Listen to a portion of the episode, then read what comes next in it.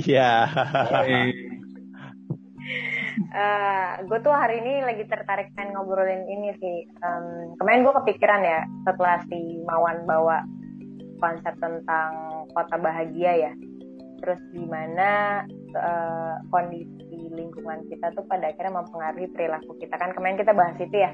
Hmm, Ya. Dan gue jadi kepikiran gitu. uh, kemarin ada temen gue bilang kayak iya gimana gue nggak galak kalau di Jakarta. Semua orang jalannya ngomong eh, jalannya egois banget gitu kan. Terus apalagi kemarin ada kasus ya yang bawa pistol. Pada Iya. denger gak? Di BKT ya jam 2 Iya, pagi nabrak motor nggak mau turun. ya airsoft gun lagi dok. Aduh. Gimana? Oh, tuh iya. agak malu. Iya. Tapi intinya kan kayak gitu ya kayak gue nggak tahu siapa yang terjadi dengan hidupnya dia. Tapi gue jadi kepikiran bahwa kayaknya konsep tentang kindness itu udah mulai apa ya memudar ya nggak sih dan Hmm. eh, kayaknya perlu dikampanyekan menurut kalian gimana? Bener sih. Hmm. Setuju banget memang. Kalau udah capek di jalan, maksudnya gini aja ya. Lo Hmm. jalan di tol terus ada Hmm. yang berhenti di tengah jalan. Uh, gua rasa Hmm. jarang banget sih tuh uh, ada yang mau berhenti untuk bantuin sih pasti semua kan jalan Betul. terus cuma ya kadang kayak gue gue mesti ngejar ke rumah sakit ya pasti gue Ah. lewatin karena gue berpikir ya pasti akan ada orang lain yang nolongin dia Nah, Eh, karena betul, begitu gue udah telat, pasti runtutannya panjang tuh. Udah telat ini, Betul, nanti betul. habis ini telat Betul, lagi ke sana lagi, nanti gue pulangnya telat lagi. Jadi ya gitu sih. Jadi ya minta maaf aja. Iya benar iya. banget tuh. Nah, kalau lo gimana Wan? Iya, jadi kalau balik lagi obrolan kita yang kemarin ya kalau di kota itu kan kita kayak dikejar-kejar ya.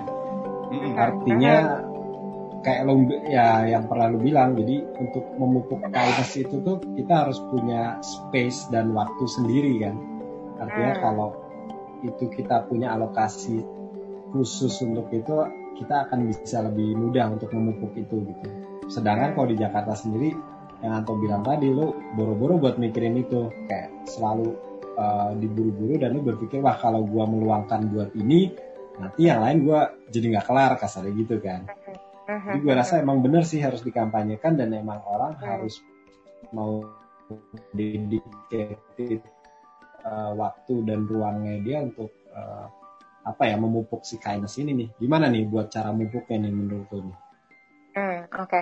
Iya, ini ini menurut gue menarik ya karena sebenarnya lo tau gak sih kalau misalkan kindness itu sebenarnya bagian dari instingnya manusia. Jadi kita sebenarnya udah punya Hmm. gitu. Eh, Ada eh, kalau kita ngomongin kindness kita juga menurut gue relate banget dengan konsep empathy ya. Cara kita bisa memahami perasaan dan pikiran dan situasi orang lain. Gitu. Dan sebenarnya di otak kita kita tuh udah punya si mirror neuron itu. Mirror neuron itu bisa em, apa ya membuat kita ikut merasakan apa yang terjadi sama individu yang kita hadapin Hmm. gitu. Kita tuh sebenarnya punya. Jadi sebenarnya kindness itu adalah insting kita bertahan hidup. Balik lagi karena kita makhluk sosial. gitu. Dan eh, kalau gue boleh eh, sharing sedikit ya, sebenarnya tuh kalau kita berbagi, kalau kita tuh melakukan sebuah kebaikan, itu sebenarnya tuh ada manfaatnya, Wan sama Doranto. Hmm. Lo pernah kepikiran nggak? Apa tuh? Pas Nah, ya.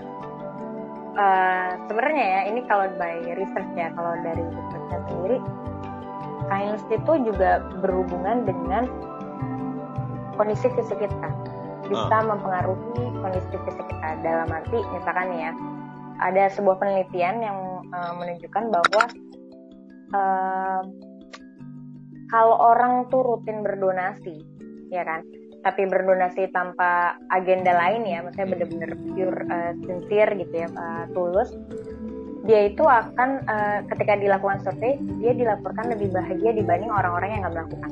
Itu satu. Hmm, hmm. Ya. Terus abis itu, lo tau nggak kalau misalkan ketika kita melakukan sebuah kebaikan, itu sebenarnya bisa menstimulasi produksi oksitosin. Oksitosin tuh yang uh, hormon love hormones itu loh yang membuat yang uh, apa hormon buat bondingnya anak sama ibu gitu kan. Hormon yang bisa menciptakan uh, rasa secure rasa sayang rasa percaya gitu. Terus um, di mana tuh si ini yang gue baca ya si oksitosin itu pada akhirnya um, berperan juga untuk melebarkan jalur aliran darah. Jadi Hmm. bisa uh, darah tuh bisa mengalir lebih lancar dan pada akhirnya menurunkan tekanan darah gitu kan. dan um, ya gue nggak tahu ya mungkin itu dari nanti kalau dokter Anto bisa tambahin ya tapi ini dari yang gue baca sih. Dan terus lebih lanjut lagi kalau misalkan kita melakukan sebuah kebaikan ada yang namanya uh, helpers high. Uh, simptom bukan simptom ya gue ngomongnya fenomena helpers high. Jadi ketika kita melakukan kebaikan sistem reward sama punishment kita di otak itu bekerja lebih aktif jadi kita bisa merasakan pleasure, merasakan uh, kenikmatan seperti kita yang ditolong. Jadi itu yang makanya gue bilang, ketika kita, lo coba deh perhatiin, ketika kita melakukan sebuah kebaikan, apalagi kalau misalkan itu benar-benar tulus ya, misalnya tidak tidak bermaksud untuk dilihat orang atau segala macam, kita tuh pasti kan ngerasa happy. Hmm. Gitu. Hmm, iya. Coba jadi perhatikan gitu. Dan uh, ketika ketika kita melakukan kebaikan itu juga sebenarnya hmm, level korti, apa kortisol kita, si stress level kita turun tuh dok. Hmm. Jadi lo sebenarnya bisa justru dis apa distress, bukan distress ya, tapi tidak stres. Jadi level Hmm. kortisol lo turun, stress level lo turun, terus lebih lanjut lagi produksi serotonin itu eh, rilis meningkat, Hmm. Yang bikin kita merasa happy tadi, gitu sih. Jadi sebenarnya kalau misalkan kita ngerasanya eh, uring-uringan gitu kan, Hmm. gue selalu sharing sama klien-klien gue ketika dia ngerasa apalagi untuk orang-orang yang lagi ngerasa empty ya empty terus kayak kenapa uh, feeling miserable terus tiap hari sedih gitu anxious? Gue selalu encourage mereka untuk melakukan volunteer. Dan uh, gue nggak tahu karena itu uh, instantly efektif buat gue ketika misalkan gue ngobrol aja sama teman-teman di uh, panti asuhan gitu atau di panti jompo ya uh, oma-oma di situ kayak gue langsung merasa diri gue lebih baik happy. Gue nggak tahu apakah itu pada akhirnya kita jadi egois apa enggak ya tapi kan konsepnya adalah kita menyediakan ruang dan waktu juga untuk orang lain dan sebenarnya nggak harus sama manusia sih sama binatang pun kita bisa sama lingkungan pun kita juga bisa sih gitu jadi sebenarnya ada manfaatnya kalau kita melakukan kebaikan menarik banget ya dia. Uh, Hmm. Kalau gue bilang akhirnya lu kalau menurut gue ya uh, kadang Hmm. lu kepikiran lu akan berbuat baik kalau lu udah selesai sama diri lu dulu gitu. Agak sulit ya Hmm, uh, di era sekarang di sekarang kebutuhan banyak terus lo Mhm. ya tadi kita ngobrol soal Jakarta yang banyak yang sumpek tadi kalau lu belum Betul. selesai sama diri lu sendiri gimana lu bisa berharap lu mau berbagi sama orang lain gitu nah kayak Hmm. gue misalnya eh, sorry, Hmm. sorry serak apa-apa. Jadi gue pernah cerita ya misalnya kayak kita di rumah sakit gitu Aha. suasananya aja tuh suram gitu kayak kurang eh, di lo di tempat perawatan pasien, pasiennya cuma sendiri di covid, lo nggak ada yang nungguin, terus lo Ya. eh, apa eh, warnanya juga suram. Nah warnanya aja udah membuat lo eh, males gitu berada di tempat yang seperti itu. Nah gimana lo di, bisa didorong buat tetap melakukan kebaikan kecil ya buat orang lain, nggak cuma melakukan tugas lo doang gitu. Nah gue nggak tahu deh gimana perspektif gue pertanyaannya dua sih yang besar. Gimana lu bisa berbuat baik sebelum lu selesai sama diri lu sendiri dan lu nggak mungkin selesai Oke. sih karena kebutuhan lu akan tetap banyak. Tapi gimana lu bisa Betul. bangkitkan rasa itu dan sama lu kan gimana sih kita bisa memodifikasi lingkungan tempat tinggal tempat kerja ataupun tempat lu beraktivitas sehari-hari? Jadi suasana lo menjadi apa ya mendukung lo untuk bisa eh, menerima orang lain nggak berbuat baik iya. tapi lu mau berbuat baik gitu sih mungkin ya Mhm. Ya. Siapa duluan nih? Mawar apa gue nih? Dari dia dulu, dari dia. Ah, Ntar gue ini nyambung. Oke, oke. Oke, dan ini menarik ya dok. Maksudnya gini, Hmm. itu sama seperti konsep senyum. Orang Ah. mikir kalau kalau senyum itu kita harus bahagia dulu baru bisa senyum. Hmm, hmm. Coba deh lo senyum dulu. Ketika. Udah. Ah, senyum senyum. Ya, rasanya. Rasanya gimana? Enak sih rilis, rilis, rilis. Ada rasanya. Ada. Happy lah. Ada rasanya kan. Ah. Ya. Sebenarnya konsepnya kayak gitu. Kita itu memang terbiasa melihat eh, segala sesuatunya tuh dari yang buruknya dulu tuh. Di otak Hmm. tuh udah kayak gitu. Hmm. Kenapa? Karena ya ya, again itu insting bertahan hidup. Kita harus bisa secara cepat mengenali threat atau ancaman Hmm. gitu kan.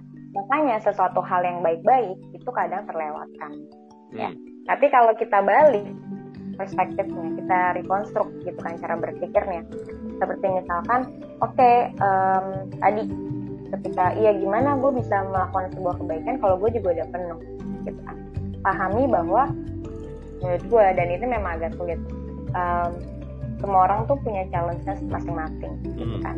Tapi bukan berarti loh kondisi dunia yang keras membuat harus mendefinisikan kita menjadi keras Hmm. gitu. Karena kontrolnya tuh ada di kita. Ketika misalkan nih, eh, tadi kan gue bilang ya bahwa sebenarnya kan kebaikan itu punya manfaat buat diri sendiri juga, bukan buat orang lain. Hmm. Kalau misalkan kita mem- membantu kan sesederhana nggak harus serta merta pakai uang ya, Hmm. ya kan? Hmm. Ajak ngobrol aja, atau kita tanyakan bantuan A, kita bisa bantu apa di saat itu. Ngasih minum orang aja, itu tuh sebenarnya menurut gue itu hal kecil ya, tapi itu berarti banget karena sekali lagi di situasi semua orang yang sangat-sangat individualis gitu kan, semuanya berkompetisi, pace-nya cepat banget, dinamis. Orang nggak, orang jarang banget berhenti untuk ngelihat kondisi orang lain. Sesederhana kita bisa bertanya aja dan itu bisa membuat orang lain merasa lebih baik. Gue yakin itu juga membuat diri kita ngerasa lebih baik. Kita nggak serta merta harus em, apa ya merubah situasinya, merubah kondisi orang itu dan berpikir kayak pokoknya gue harus baik, jadi gue harus menolong orang itu sampai dia eh, bisa makan, sampai dia misalkan sampai negara ini berubah. Sebenarnya sesederhana lo lakuin dengan hal-hal kecil dulu aja, gitu kan. Ngasih ngasih minum anjing aja, anjing liar aja. Atau eh, ketika misalkan ada apa ada kucing lewat gitu kan dia ketakutan banyak banget kan ya kucing nyebrang gitu Hmm. tolongin aja dulu gitu tolongin orang nyebrang aja dulu itu sesuatu hal yang menurut gue sederhana tapi gue yakin itu akan merubah eh, harinya kita sih dan Hmm. Hmm. Kalian tau gak sih kalau kindness itu contagious menular Oh, kayak lu bilang emosi ya. ya Ah. Ya, iya benar-benar emosi kan menular. Dan ini gue juga eh, ketika gue tahu konsep ini, gue kayak wow. Kalau aja orang semua orang tuh tahu, gitu. Hmm. Karena setiap kita misalkan melakukan kebaikan dan orang lain melihat, itu sebenarnya ada dorongan untuk dia melakukan hal yang sama, Hmm. Cuman tadi memang balik. Kadang-kadang orang mikirnya kenapa harus gue? Kenapa Nanti gue akan ada kasih- lagi kok orang lain. Apa? Iya, kenapa gue mesti ya, di satu sisi kenapa Iya. mulai duluan ya nunggu aja orang lain. Iya, kenapa harus gue? Iya. Oh, Padahal kalau kalau aja semua orang berlaku hal yang sama ketika dia melakukan Menular sebuah ya? Ah-ah, Jadi Dan ngikut. menular. Ah, Betul. ibarat ada satu Dan- yang dorong, yang lain jadi nggak enggan buat dorong gitu. Mm-mm. betul. Dan lo tau nggak apa? hubungan. Kadang-kadang kan kita skeptis ya. Ah udahlah negara ini hancur aja gitu kan. Oh orangnya misalnya orangnya korup, orangnya kasar apa segala macam. Kalau aja ada satu orang berbuat baik dan yang lain ikut, kayak lo inget film Pay It Forward nggak? Pay It Forward. Hmm. Nah itu menurut gue tuh rekomendasi yang bagus ya. Itu itu kan seolah-olah kita kayak dipaksa melakukan kebaikan, tapi pada akhirnya merasa merasa lebih baik. gitu. Kalau aja itu diterapkan dan kalau aja semua orang punya pemahaman dan wawasan bahwa oh ternyata tuh kayaknya tuh punya manfaat buat gue dan itu ternyata contagious gitu. Dan dilakukan em, apa ditularkan ke setiap orang ya sebuah sistem yang kita pikirnya bisa yang buruk itu sebenarnya bisa jadi berubah ya kan? Karena banyak yang ngelakuin. Hmm. Cuman ya tadi gue bilang orang tuh ketika dia melihat sesuatu yang agak sulit dia ngerasa kayak kenapa harus gue? Hmm. nanti juga kayak kita buang sampah kalau misal ya ya lah gue sa- satu sampah juga kayaknya nggak nggak akan ngaruh deh Hmm, Ya kan? hmm. Hmm. gitu dan orang lain ngeliat itu melakukan hal yang sama coba dibalik gitu Betul betul. menarik banget. Ada hari World Kindness Day tiap 13 November ternyata gue juga baru Iya, tahu. iya. Iya, iya, iya. iya. Gimana Wan? lu, Wan? Iya. Eh, ini ini yang menarik dari tadi yang sempat kayak klik banget di gua adalah Hmm, eh, hmm. Pernyataannya di yang gini ya. Jadi eh, bisa disimpulkan tuh lu tuh nggak usah ngelihat kebaikan itu sebagai sesuatu yang lu kasih, tapi justru itu Hmm. obat buat diri lu untuk merasa Betul, lebih betul. baik. Itu Betul, tuh betul, gua itu kayak gua. akhirnya gini, akhirnya gini. Lu kalau Hmm. melihat kebaikan itu se- sesuatu yang harus lu kasih, lu akhirnya jadi menyempatkan atau atau maksud gua tuh jadi Iya, seolah-olah tuh beban. Memberikan gitu. ruang. Iya. Ah, Oh, iya. maksudnya, tapi begitu lo menganggap itu justru obat untuk membuat lo lebih baik, Mhm. pasti lo pakai kasarnya gitu. Iya, Nah, betul. jadi balik lagi tadi yang Anto bilang, Hmm. eh, gimana sih caranya supaya kita nggak harus nunggu selesai kita baik dulu, baru bisa berbuat baik sama orang. Nah, Mm. ketika mindsetnya bisa diputer, Mhm. ketika kita emang butuh kebaikan itu ada di setiap hari kita istilahnya gitu ya Iya, iya, supaya iya. membuat kita lebih baik gua rasa sih jadi nggak usah nunggu lebih baik Iya, dulu iya. Lu udah, lu itu memang kan memang jadi Iya. rutinitas kita ya ah gua gua jadi jadi menarik nih konsepnya dibalik gitu kan Mm. Mhm. jadi tuh Iya. lumayan ini sih menurut gua eh, apa ya mind blown ya jadi ngebuka banget Ah. sih dengan dengan Iya. lu jadi obat lu menjadi lebih baik gua rasa orang nggak akan enggan untuk melakukan itu Nggak akan enggan, betul, betul. Iya, Ah, ah, ah. Mungkin Nah, orang terus, kebanyakan iya, sakit terus- hati kali ya, Wan. Di udah terlalu Ah. sakit hati sama Iya. kondisi. Jadinya lo ngerasa ya udah biarin aja kalau gua sakit kenapa orang lain mesti happy gitu kali ya dan itu di Hmm. lingkungan Jakarta yang ya tadi jalan gua aja diambil Iya. kenapa gua mesti ngasih jalan sama iya. orang lain Ah, ah. Uh, ya gue banyak faktor lingkungan sama sistem yang membuat orang baik jadi nggak baik yang kayak kita diskusi di awal tuh Iya. Betul, paham, betul. Nah, tapi dengan menyadari bahwa lu membiarkan aslinya, aslinya gini, eh, misalkan lu membiarkan diri lu masuk dalam sistem itu, itu Hmm. menjadi tidak lebih baik kasarnya gitu kan. Hmm. Iya. Dan dia akan Ah, miserable. akhirnya, ah, ah, jadi akhirnya dengan konsep yang tadi semakin banyak kita berbuat baik, itu menjadi kita lebih baik, itu kayak bisa motivasi yang besar sih, Hmm. Iya. kayaknya ya. Ah, gue rasa gitu. Iya, iya. Nah, paling ini ya, eh, eh, gimana tak? Berarti itu cara solusi mudahnya sebenarnya gitu ya. Kalau lo ketemu tempat yang nggak bagus, sistem yang nggak bagus, tempat kerja yang nggak bagus, eh, perjalanan yang nggak bagus, ya lo cukup berpikir bahwa pil buat lo adalah ya berbuat baik aja karena itu akan baik. menjadikan Iya, Lo- sesimpel itu. dia udah bilang oh ternyata itu Akhirnya, menjadi ah, ah. di- apa perubahan biologis dalam hidup lo, eh dalam diri lo Iya. Yep. Betul. lo jadi bisa apa ya lebih tenang aja jadi lu nggak penuh dengan kemarahan ya mungkin itu kali Iya. ya feelnya itu ya Iya. Bagus sih, gue gue Oh. lumayan ah, lumayan dapat siraman lah. gue tuh ini coba kalian eh, kalian ingat lagu yang Michael Jack- Jackson yang Man in the Mirror kan Mawan Oh. gua rasa inget di kalau gua suka lupa Tapi liriknya gue liriknya nggak hafal gue. pokoknya intinya dia bilang pokoknya dia pokoknya kan banyak keburukan di dunia ini lah gitu kan dan kadang-kadang kita stuck dan ngerasa depressed banget karena kondisi yang ada di lingkungan kita di sekitar kita gitu kan. Kenapa kita depressed? Karena kita nggak punya kontrol untuk merubah semuanya ya kan? Padahal Hmm. poinnya tuh cuma satu yang perlu bergerak itu hanyalah diri kita aja. Dan nanti Hmm. semuanya tadi gue bilang akan mengikuti. Misalkan kalau ada orang marah-marah gitu sama kita gitu sebenarnya kalau kita marah balik kan nambahin bensin aja ya makin meletus lah Hmm, gitu kan hmm.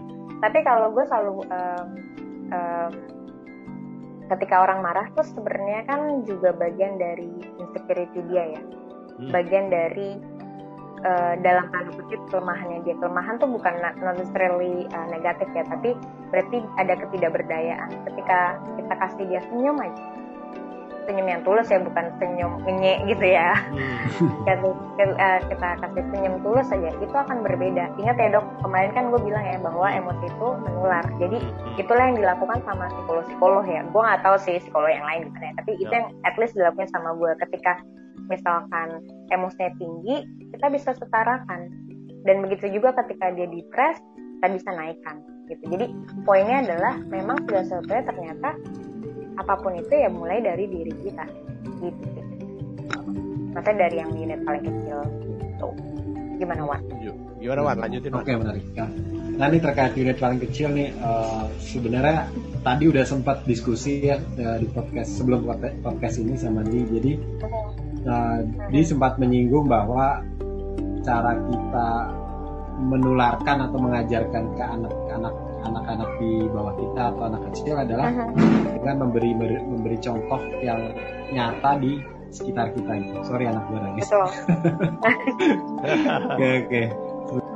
Oke, nah jadi artinya gini kaitannya adalah tadi di sempat bilang hmm. kenapa sih kok uh, tanaman harus dikasih uh, minuman terus dengan air ya maksudnya artinya.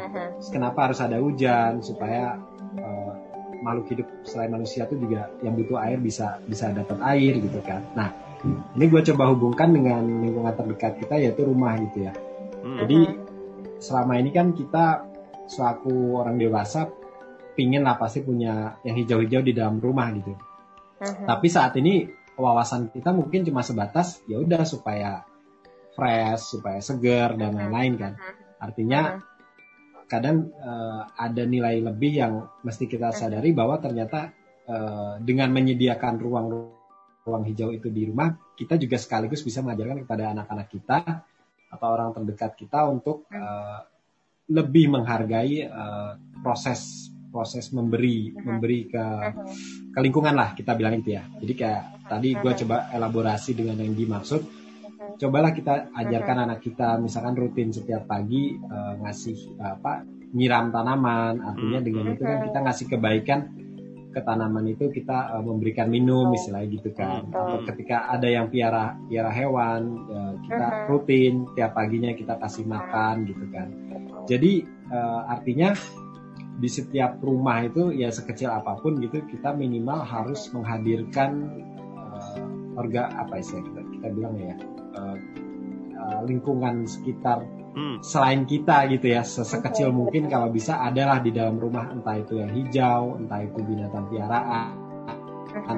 Supaya empati empati dan tadi uh, kindness itu terpupuk gitu. Betul, jadi nggak cuma merasakan kehadiran yang fresh tapi men mengalami prosesnya juga kayak ngasih makan dan lain-lain itu bisa memupuk dari kita selaku orang dewasa ataupun anak-anak kita. Itu sih gue coba uh, korelasiin ke situ banget sih. Kalau sebagai orang tua kan kita juga mesti siap ya kalau menurut gue kalau gue nyambung nyambungin kayak kemarin istri gue cerita dia dokter gigi terus ada anak 6 tahun eh, nggak uh, mau duduk di dental unit dental chair terus habis itu dia marah-marah uh, mukul pintu. Saya hancurin nih barang-barang nih semua. Nah menarik sih pas gue dengar cerita itu uh, terus kita ngobrol ini ternyata kan uh, mungkin dia marah karena insecure ya uh, atau juga uh-huh. kalau anak-anak kan dia banyak melihat lingkungan sekelilingnya gue nggak bilang orang tuanya uh-huh. marah tapi mungkin lingkungan sekitarnya uh-huh. mungkin ya dan ternyata yeah. kalau kita pengen anak-anak kita juga baik ya kita perlu jadi uh-huh. role model kalau katanya ya gue juga perlu jadi role model yang baik sih karena gue kadang suka marah-marah Uh, tapi dia bilang dengan melakukan jadi role model yang kayak lu bilang Wan tiap pagi nyiram terus kalau misalnya dia bilang sih kalau ada yang membuat kita marah ya kalau kita pengen anak kita baik ya kita mesti tunjukin kita juga baik gitu. Tapi kalau kitanya udah marah apa ya e, bentak ya mungkin ya anak kita ngelihat juga akan mengikuti hal yang sama. Jadi kalau kita pengen anak kita baik ya kita mesti baik dulu sih sama orang lain. Karena yang kita yang dilihat kan kita tiap hari. Terus uh, melakukan kebaikan gue setuju ya nggak perlu nunggu lo dibaikin jadi melakukan kebaikan hmm. kecil yang random aja deh kayak bukain pintu hmm. megangin pintu hmm. orang mau lewat terus mainan lo udah banyak terus lo bagi-bagi atau lo donasikan yeah. atau Betul. tiap malam sebelum lo tidur atau pas makan bareng uh, bersyukur katanya uh, menunjukkan syukur tiap hari itu juga membuat uh, anak bisa me, apa ya menularkan kebaikan Bagai. ke anak-anak gitu. Dan gue anak kan dari kecil sampai gede tetap anak kita ya nggak berubah. Ya, mungkin betul. Uh, tinggal masalahnya kita mau apa enggak ya uh, ngasih contoh mulai dari bayi uh, preschool uh, sekolah sampai remaja. Apalagi remaja juga tetap perlu dibimbing. Jangan sampai ya kita tahu sendiri nih di koran akhir-akhir ini ya 25 ya. tahun malah me, menju, apa ya menjual jiwanya. Iya.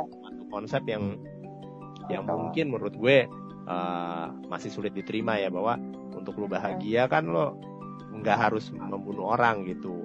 Betul, ya, betul. Gitu. Mungkin ini bisa dimulai dengan kebahagiaan kecil yang sebenarnya bisa kita bagi ke sekeliling kita ya. Mungkin deh kalau Mhm. gue nangkepnya kayak gitu Mhm. tuh. Iya, iya. Sepakat, Gue setuju sih.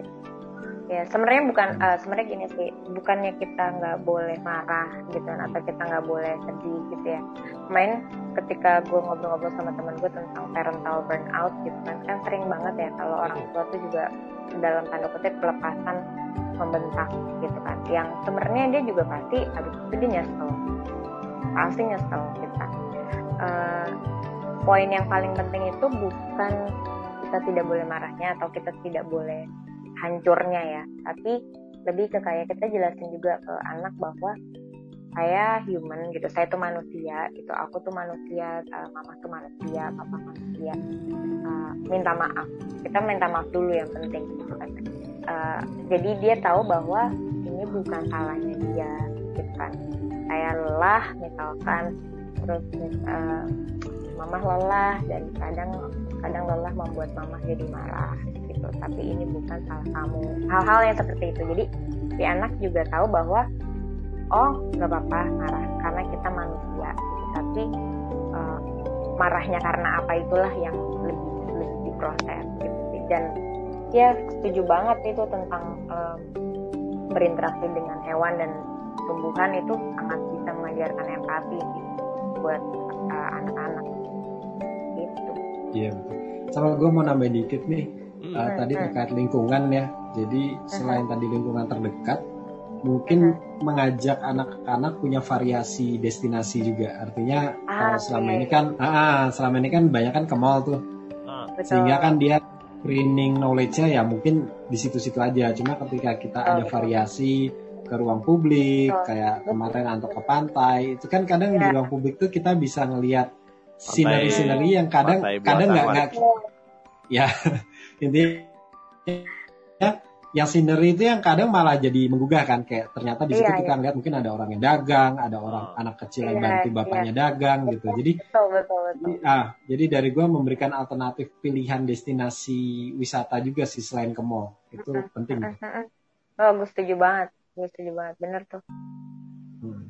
Hmm, memang. menarik. Eh, yang menarik lagi di era pandemi ini juga ternyata survei baru di Amerika bilang sebagian besar lonely. Eh, Hmm. nggak tahu deh lonely ini karena nggak ada yang baik atau karena pandemi nggak pernah ketemu atau karena Iya. apa? Mungkin menarik ya buat kita bahas berikutnya ya. Eh, boleh boleh boleh itu nah. juga gue suka tuh. Karena ternyata kesepian itu bisa Oh, siap siap bisa berimpact banyak ya. Eh, hmm, banyak banget jadi depresi dan yang lainnya. Padahal kan kita pengen tadi pasti konsepnya kan kita di Jakarta kotanya bisa nggak bahagia tapi gimana cara kita bisa Hmm. bahagia ternyata dengan kita berbagi kita punya pilnya loh sebenarnya untuk bisa bahagia di tempat ruang Ya. dan waktu yang menekan kita. Nah tapi kalau ternyata kita merasa kesepian Hmm. apa sih yang mesti kita lakukan mungkin tuh kayak yang kita bahas minggu depan ya? Boleh boleh boleh. Oke, setuju oke. setuju setuju. Setuju, setuju. sip. oke deh. Iya by the way thank you juga ya. siap siap. Ya tapi gue happy Oke, banget oke. ini hari ini diskusinya. Oke oke sip. Thank you banget. Kita lanjut minggu depan ya. Oke siap. Oke. Thank you semua. ada pencerahan oke oke. Bye. Yuk. bye